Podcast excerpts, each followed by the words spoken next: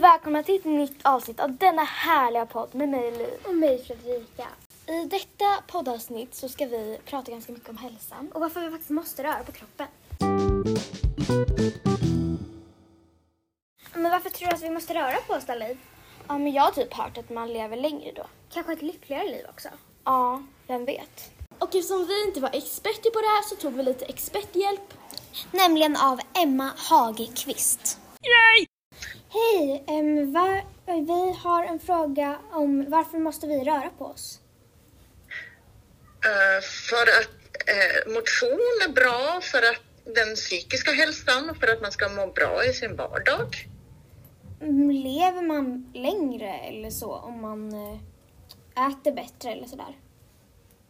Ehm, ja, det kan man göra, men framförallt så lever man kanske ett roligare liv medan man lever och ett mer friskt liv. Om man rör på sig och äter och så. Ehm, vad, alltså hur påverkas man av att inte röra på sig? Eh, då blir man ofta trött. Eh, kroppen orkar inte eh, så mycket och eh, man kan också bli ledsen och deprimerad.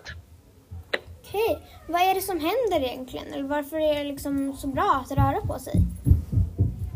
För att det ger endorfiner i, i kroppen som gör att man eh, känner sig lycklig och glad.